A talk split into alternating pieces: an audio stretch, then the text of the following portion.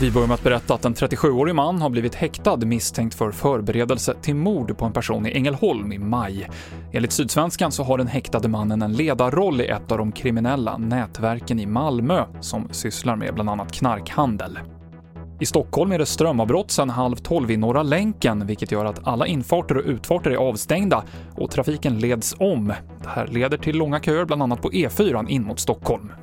Jo, nej men det är ju så här att alla de här tunnlarna som finns runt omkring Stockholm är väldigt komplexa när det gäller eh, och stort behov av el och elförsörjning.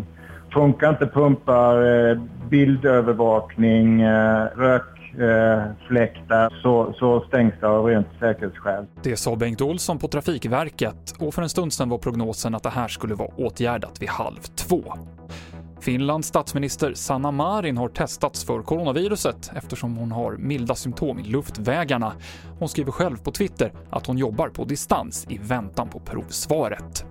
Och det här var TV4-nyheterna med Mikael Klintevall.